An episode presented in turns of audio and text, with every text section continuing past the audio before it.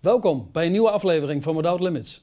Matthäus 19, vers 26 zegt: Bij de mensen is het onmogelijk, maar bij God zijn alle dingen mogelijk. We hebben een God, Without Limits. Vandaag bij mij in de studio weer Hans Achteres. Hans, van harte welkom weer bij Without Limits. Dankjewel Henk. We hebben al uh, een aantal afleveringen opgenomen, hè, zes afleveringen om precies te zijn, Ja. over, het, uh, over de laatste dagen, de laatste zeven dagen van het leven van Jezus. En vandaag zijn we aangekomen bij de laatste dag. En ik geef je graag het woord. Ja, en de laatste dag, het lijden van Jezus is begonnen. Het is de laatste dag, het is middernacht, ongeveer 1 uur, half 2. Er komen onheilspellende geluiden van een menigte die nadert. En je zou kunnen zeggen dat is het arrestatieteam. Het arrestatieteam bestaat uit plusminus 100 mensen en ze zijn op weg naar Jezus. Hm. Nou, die, uh, dat arrestatieteam bestaat uit onder andere Judas de verrader, een aantal oudsten, priesters, de hoge priester, Romeinse oversten, maar ook 30 soldaten van het Romeinse leger, zwaar bewapend, en tempelpolitie en een aantal valse uh, getuigen. Er was ook vooroverleg geweest uh, bij uh, Pilatus, dat Sanhedrin, de Joodse raad, had met Pilatus overlegd van nou, inderdaad, we hebben hier te maken met een verleider, een verkeerde persoon. En we willen graag toch een, uh, we hebben een aanklacht dat er een verhoor gaat plaatsvinden. Ja. En hij verleidt het volk, hij is een oproerkraaier. Uh, hij verbiedt belasting te betalen uh, aan de Romeinen. En dat leert hij het volk. En hij zegt zelf dat hij koning is en zelfs Christus, de Christus. En hij, ja, hij predikt opstandigheid tegen de Joden. En Pilatus had al een tegenzin tegen de Joden. Hij proefde al, dit is vermoedelijk manipulatie. Dit heeft weer te maken met godsdienst. En uh, nou, hij vond het natuurlijk wel interessant om die bijzondere rabbi, die Jezus heette, te ontmoeten. Maar hij vond het na enige tegenzin toch in orde om 30 soldaten dan mee te sturen om hem te arresteren. En, en Jezus uh, aan een verhoor te onderwerpen. Als je dat zo hoort, hè, dan denk je, ja, wat een stelletje. Wat, wat veel mensen. Waren ze dan misschien bang voor die weldoener? Ja, ze gingen met honderd mensen. Ze waren allemaal bewapend met stokken, met zwaarden, noem maar op. En uh, nou, ze waren vermoedelijk bang omdat hij natuurlijk al water in wijn had veranderd. Hij had de storm gestild. Ja. Hij had Lazarus zelfs na drie of vier dagen opgewekt uit de dood. Uh, met vijf broden en twee vissen had hij 10.000 mensen voorzien.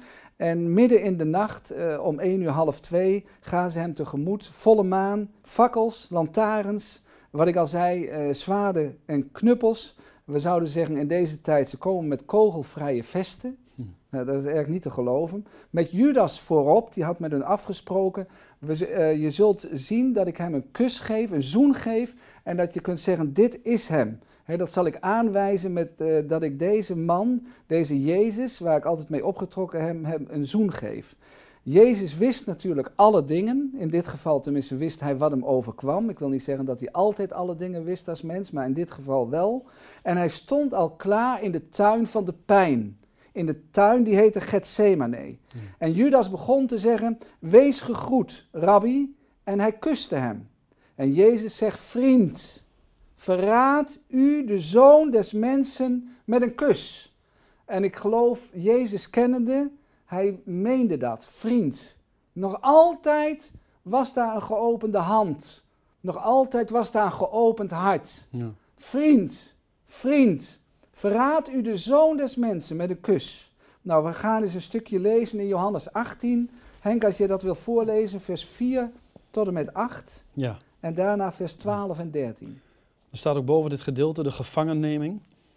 En dan staat er vanaf vers 4. Jezus dan, alles wetende, wat over hem komen zou, kwam naar voren en zeide tot hen, wie zoekt gij? Zij antwoordden hem, Jezus de Nazoreër. En hij zeide tot hen, ik ben het. En ook Judas, zijn verrader, stond bij hen. Toen hij dan tot hen zeide, ik ben het, deinsden zij terug en vielen te aarde. Wederom dan stelde hij hun de vraag, wie zoekt gij? En zij zeiden, Jezus de Nazoreër. Jezus antwoordde, ik zeide u dat ik het ben.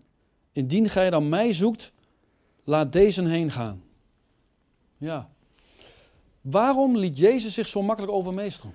Nou ja, je ziet hier inderdaad al iets heel bijzonders, Henk. Uh, toen eh, ze tegemoet kwamen, de menigte, om hem op te pakken, eh, toen zei hij, zie ik ben het. Toen zei ze, bent u inderdaad Jezus, de Ja. Christus. Zie ik ben het. En toen gebruikte hij zijn goddelijke macht. Je zou zeggen, toen hij zei, zie ik ben het, toen was daar een goddelijke kracht zo sterk aanwezig dat alle honderd mensen, ook de Romeinen, noem maar op, die vielen allemaal achterover op de grond. En ze moesten zich opnieuw hergroeperen en positioneren. Ze waren als domino's allemaal omgevallen, waardoor God inderdaad liet zien in Jezus zijn goddelijke macht en kracht. Maar de tweede keer zei hij precies hetzelfde en vanaf dat moment heeft Jezus voor goed heeft hij zijn goddelijkheid afgelegd. Hmm. Je ziet ook geen wonder meer, je ziet ook niet iets bijzonders meer om het zo uit te drukken, maar je ziet hij was 100% mens en hij legde zijn goddelijkheid af. En daar staat er, ik vind dat altijd eigenlijk een lachetje, echt een lachetje. Daar staat er in vers 12, ik meen dat je dat voorgelezen hebt, of wil je dat nog eens doen, vers 12 en 13. Ja, daar staat. De afdeling soldaten dan en de overste en de dienaars der Joden namen Jezus gevangen, boeiden hem. En brachten hem eerst voor Annas, want hij was de schoonvader van Caiaphas, die dat jaar hoge priester was. Nou, daar Ja. staat er, en ze boeiden hem. Nou, een lachetje. De zoon van God, ze boeiden hem. Hij hoefde maar te knipperen met, met zijn ogen en ze vielen als die kabels, bij wijze van spreken, wat het ook was. Ook hadden ze zulke dikke kabels dat je een trein zou kunnen opheffen. Ja, Maakte niets uit. Als hij zijn goddelijke macht had ge- gebruikt, was het zo weg. ja, Maar hij deed het niet, hij liet zich boeien. En door al dat kabaal werden natuurlijk de discipelen midden in de nacht wakker. En eh, de liefde van Jezus was zo aanwezig dat hij zei tegen dat stelletje: laat deze heen gaan, laat die discipelen weggaan. En ze hadden ontzag voor Jezus omdat ze bemerkten vermoedelijk, ja, ze waren gevallen. Maar hij stelde hen in de vrijheid en eh, hij gaf hun de vrijheid om te zeggen, laat mijn discipelen inderdaad weggaan. Maar die discipelen stonden erbij en enkele waren woedend.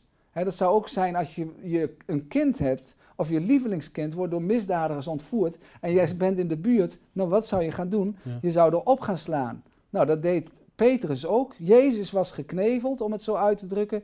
En Petrus begon eh, woest om zich heen te slaan.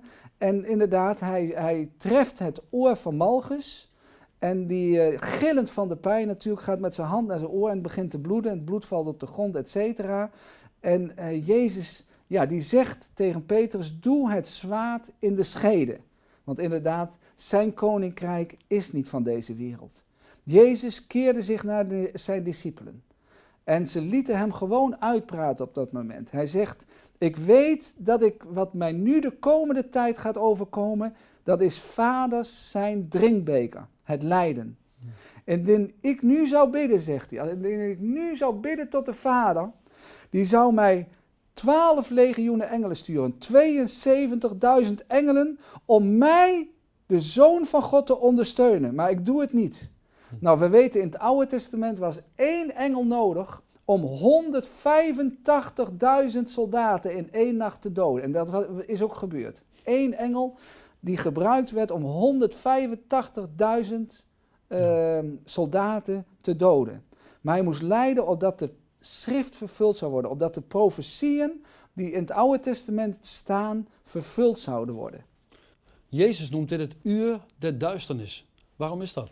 Ja, het was eigenlijk gitzwart, zou je zeggen. Jullie uur en macht van de duisternis. Eh, ja, daarna, ik ga er zo even op in, Henk. Daarna raakte hij dus wel het oor weer aan van Malchus. Dus hij, om het zo uit te drukken, gebruikte nog één keer zijn goddelijkheid. Ja, En daarna niet meer.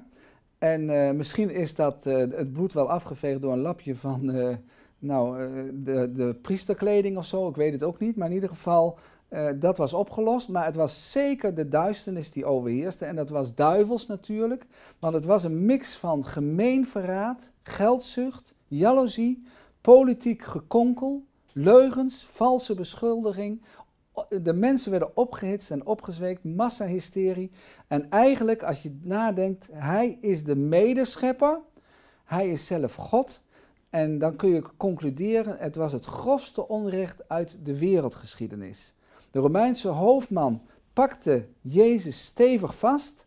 Zijn discipelen die vluchten weg, die stoven uiteen, Hm. terwijl ze allemaal hadden gezegd, wij blijven bij u. U hoeft niet bang te zijn. Wij zullen u trouw blijven. Ja. Nou, eh, Jezus was op dat moment vastgesnoerd en hij was op weg naar Caiaphas. En er was op dat moment geen vriend meer voor Jezus. Er was geen bijstand meer. En er was nog, staat er in de Bijbel, een jonge man, vermoedelijk Johannes Marcus, die ook wakker was geworden en die eh, gauw een laken om zich heen heeft gedaan. Maar de soldaten zagen hem en die gingen hem achterna, die grepen zijn laken en dan staat er in de Bijbel, en hij vluchtte naakt weg. Hij ging er als een pijl vandoor. Ja. Dus dat gebeurde ook op dat moment. En ja, toen kwamen ze bij Caiaphas, een soort landhuis. Het was koud, staat er. En op de binnenplaats was er een vuur gemaakt. En Petrus had toch de moed om hen te volgen. Was natuurlijk gevaarlijk, maar goed, hij had moed en durf. En de bende inderdaad op een afstand te volgen. En met vermoedelijk panische angst in zijn benen en met spanning was hij benieuwd om te kijken wat gebeurde, gebeurde er met de geboeide gestalte die hij zag in het donker met Jezus. Met tranen in de ogen. Hij, hij probeerde het dichtst bij Jezus te komen. En hij, hij kwam ook bij de poort. Hij moest eerst door een poort heen. Daar was een portierster, een binnenplaats. En dan lees ik dat even voor in Johannes 18, vers 17 en 18.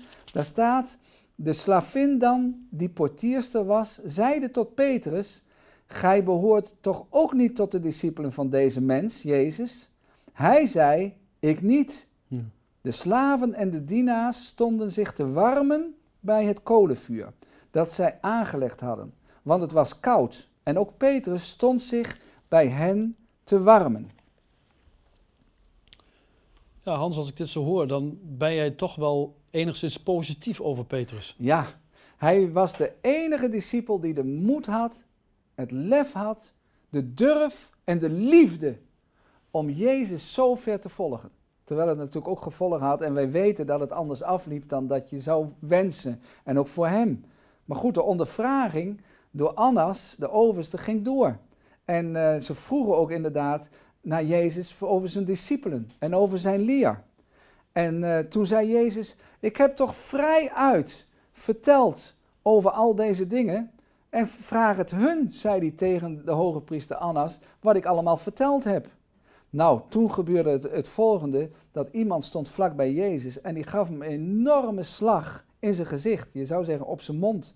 En ze zeiden, antwoord u, zo de hoge priester? Nou, op hetzelfde moment, als je een keiharde slag krijgt, denk ik inderdaad dat zijn lippen eh, geraakt werd en zijn bo- bovenlip inderdaad zwol en dat er bloed uitkwam. En dat was de eerste slag die hij kreeg. Ja. En dat was geen kleine. En van, van de binnenplaats gingen ze op dat moment naar de raadzaal, naar de opperhoge priester, Caiaphas. En Petrus was inderdaad min of meer onopvallend aanwezig, maar ja, je snapt wel, Hmm. kolenvuur. Het was koud en eh, het gloeide en dan is daar licht. En, dan- en dan heb je daar opeens hardop dat er nogmaals, die portierster die heeft erover nagedacht, maar die wist het zeker. En ze zegt hardop te midden van andere mensen, die man was ook bij hem. Petrus, dit begon natuurlijk te zweten. Het werd angstig, het werd heet onder zijn voeten en hij werd benauwd. En eh, oei oei, hij denkt dit is herkenning. En, hij en ja, ze, ze- anderen zeggen, ja geef het nou maar toe. Jij was ook bij Jezus. Hé hey kerel, laat je gezicht eens zien. Jij was toch ook bij Jezus? En Petrus zegt, ik weet absoluut zeker, het is niet waar waar jullie het over hebben. Vrouw, zegt hij, ik ken hem niet. Ja, anderen, inderdaad, die gingen er zich mee bemoeien en die gingen hem observeren.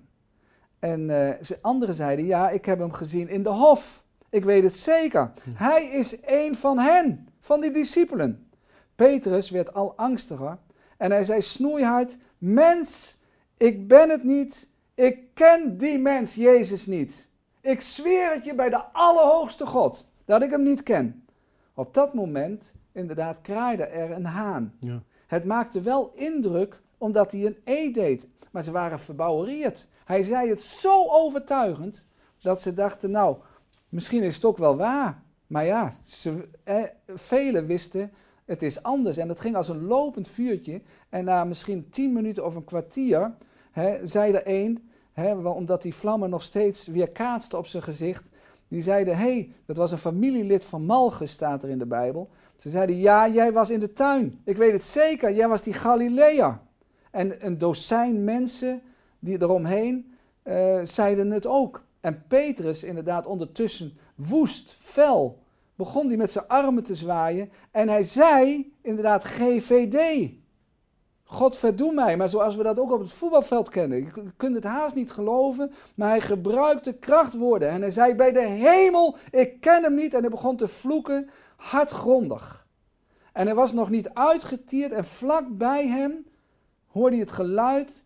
Toen kraaide een haan. Heel iets gebeurde iets in zijn geweten. Op dat moment kwam Jezus uit de raadzaal in de binnenplaats. En hij was ondertussen, dat zal ik zo over hebben, bespuwd en met vuisten geslagen. Hij had een toegetakeld gezicht. En Jezus keerde zich, staat er in de Bijbel, om naar Petrus en keek hem aan. En dat wil ik nog wel eens lezen in Matthäus 26, vers, uh, Matthäus 26, vers 74 en 75. En daar staat het volgende. Daar staat, toen begon hij zich te vervloeken en te zweren. Ik ken die mens niet. En terstond kraaide een haan. En Petrus herinnerde zich het woord van Jezus, wat hij daarvoor had gesproken. Voordat de haan kraait, zult gij mij driemaal verloochenen. Ja. En hij ging naar buiten en hij weende bitter. Hier op deze afbeelding kunt u zien wat er gebeurde inderdaad met Petrus. Hoe hij de komende uren en de nacht zou doorbrengen huilende. Hij had zijn meester verlogend, hardgrondig, zelfs tot vloeken toe. Hmm. Erg. De grote Petrus is ingestort. Maar de Bijbel is een eerlijk boek. Die vertelt over onze minpunten. Zijn geweten wordt ontwaakt. Hij is teleurgesteld in zichzelf. Hij is bitter. Hij heeft gefaald. Hij huilde. Hij had een zwarte, zwarte, zwarte nacht. En buiten, hij ging naar buiten toe op zijn knieën, ergens waar niemand hem zag. En hij dacht, ik heb het allemaal verknald. Stommeling, eens kijken wat ik gedaan heb. Maar hij was niet alleen op dat moment, ondanks dat hij het zo voelde. Hij dacht, alles is voorbij. Jezus had gezegd, Simon, Simon, ik heb voor u gebeden dat uw geloof niet zal bezwijken. De Heer bidt voor ons in de zwartste nacht. Als wij zeggen tegen onszelf, inderdaad, wat zijn we stom en dom geweest en noem maar op. De Satan heeft verlangd u te ziften, maar ik heb voor u gebeden dat uw geloof niet zou bezwijken. En Jezus zal hem na de opstanding uit de dood een nieuwe opdracht geven. Ondertussen waren tegen Jezus vele valse tegenstrijdige verklaringen. Er waren valse getuigen. Maar Jezus, wat deed hij? Hij zweeg. Hij zweeg. Kunnen we lezen Marcus 14, uh, Henk, uh, vers 60 tot en met 65. Marcus 14, vers 60 tot en met 65, om dat eens voor te lezen. Zal ik even lezen. Marcus 14, 60. Vers 60 tot en met 65. Tot en met 65, daar staat. En de hoge priester stond op en hij trad naar voren en ondervroeg Jezus en zeide, Geeft gij niets ten antwoord? Wat getuigen deze tegen u? Maar hij bleef zwijgen en gaf niets ten antwoord. Wederom ondervroeg de hoge priester hem en zeide tot hem, Zijt gij de Christus, de Zoon van de Gezegende? En Jezus zeide, Ik ben het. En gij zult de Zoon als mensen zien, gezeten aan de rechterhand der macht en de komende met de wolken des hemels. De hoge priester scheurde zijn klederen en zeide, Waartoe hebben wij nog getuigen nodig? Gij hebt de godslastering gehoord. Wat is uw oordeel? En zij allen veroordeelden hem als des doods schuldig. En, som, en of vers 65 ook nog? Ja, graag. En sommigen begonnen hem te bespuwen en zijn gelaat te bedekken en hem met vuisten te slaan en tot hem te zeggen, profeteer nu. En de dienaars sloegen hem in het gelaat. Zie je, dat ze hadden afkeer van hem. Hij pretendeerde dat hij één met de Vader was. Ze zeiden grootheid waanzin. Hij is God zelf. En, uh, hij is meer dan de tempel, had hij gezegd. Hij heeft grotere wijsheid dan Salomo. En dat vonden ze allemaal aanmatigend met alle gevolgen van dien. Vaak zwijgt Jezus, hè? Dat, dat zien we in de Bijbel. Heeft dat een reden? Uh, ik denk het wel, want hij zwijgt alleen wanneer het bestaat uit leugen. En uh, soms betichten ze hem wel van waarheid, dan reageerde hij wel. Maar wat ik zo bijzonder vind van Jezus, kijk, hij had gelijk. Zo, en als ze zeggen hij is de koning en hij is de Christus.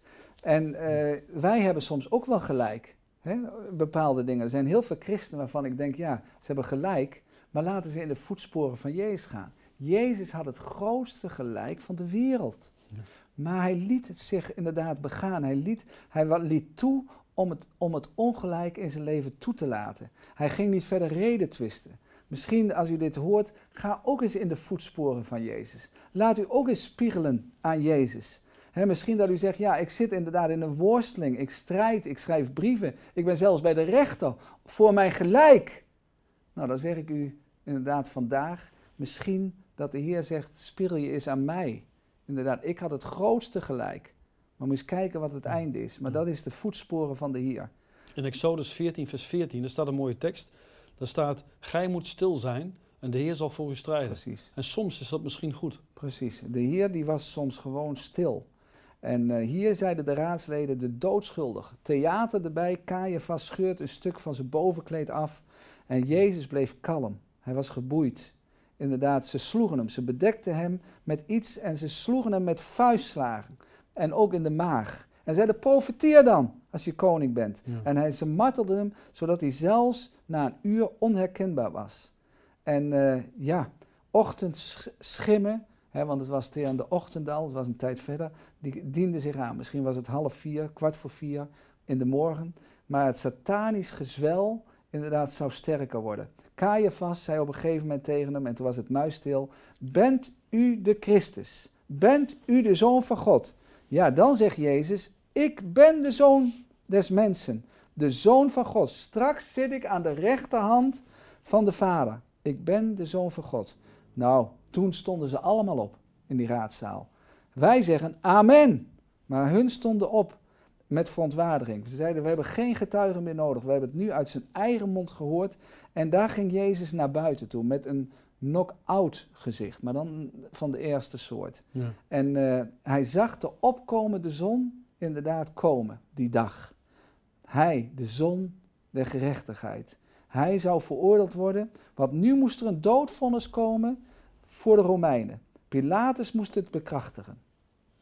Als je dit zo hoorde, dan, dan, ja, dan zie je dat iedereen zich keert tegen Jezus. Kun je dat zien als een soort uh, groepsdynamica of een massa-beïnvloeding bijvoorbeeld? Ja, het waren gewoon hooligans. Uh, Alleen ze heten nu Levi, ze heten Samuel, ze heten Zacharias, de Uppertain. Maar, maar zo hebben ze zich gedragen. Uh, ondertussen was er Judas Iscariot, die was wanhopig, want hij zag dat hij veroordeeld zou worden. En het brouwde hem dat hij hem voor dertig zilverlingen had verraden. Hij ging hijgend naar de priesters toe en hij uh, merkte een onverschillige houding. Hij nou jij denkt, ik heb gezondigd, dan moet je maar zelf weten en denken dat jij gezondigd hebt. Hè, maar uh, dat maakt niet uit hoe je denkt, je gaat maar je eigen gang. En door die houding en door zijn eigen overtuiging en gevoel dat hij de, inderdaad Jezus verraden had, gooide hij al die dertig zelvelingen op de grond in de tempel. En inderdaad die rotscenten, om het zo uit te drukken, die kinkelde en rinkelde over de marmeren, marmeren vloer. Ja. En hij zei, ik heb gezondigd.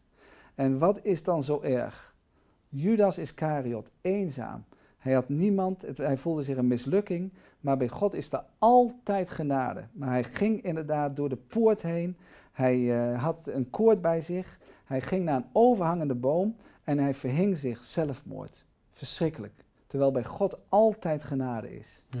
En dan, ja, toen meldde de menigte zich opnieuw bij Pilatus in de vroege ochtend aan de poort.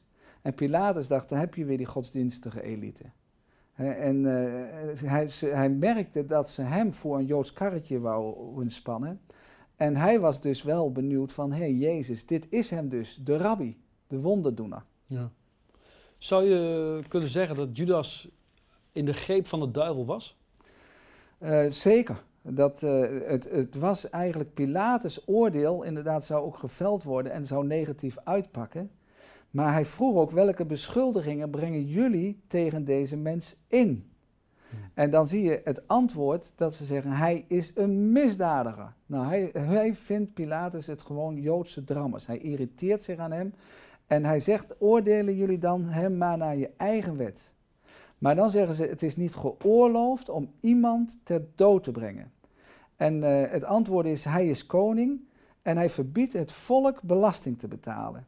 En dan zie je dat Pilatus neemt Jezus apart, persoonlijk.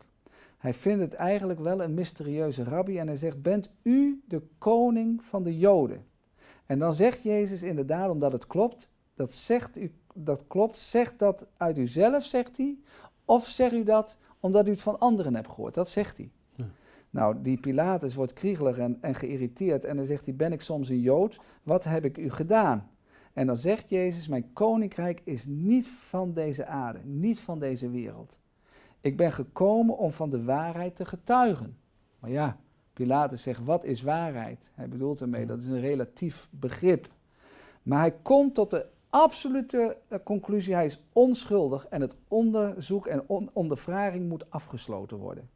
Ja, Pilatus die gaat geboeid weer naar de menigte en hij zegt, ik vind geen schuld in hem. En uh, dan zeggen hun opnieuw met pijlen, die mensen, van ja, Rome is in gevaar, uw koninkrijk, zegt hij, uw koninkrijk komen. Jeruzalem zal branden en bloeden, de tempel zal die afbreken, het is een rebel.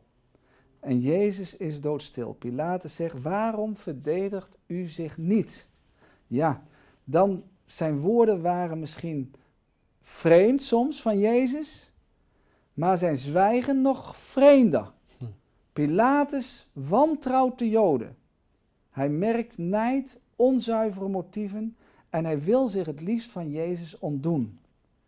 Hij zegt tegen Jezus op een gegeven moment, of hij vraagt, waar is hij geboren?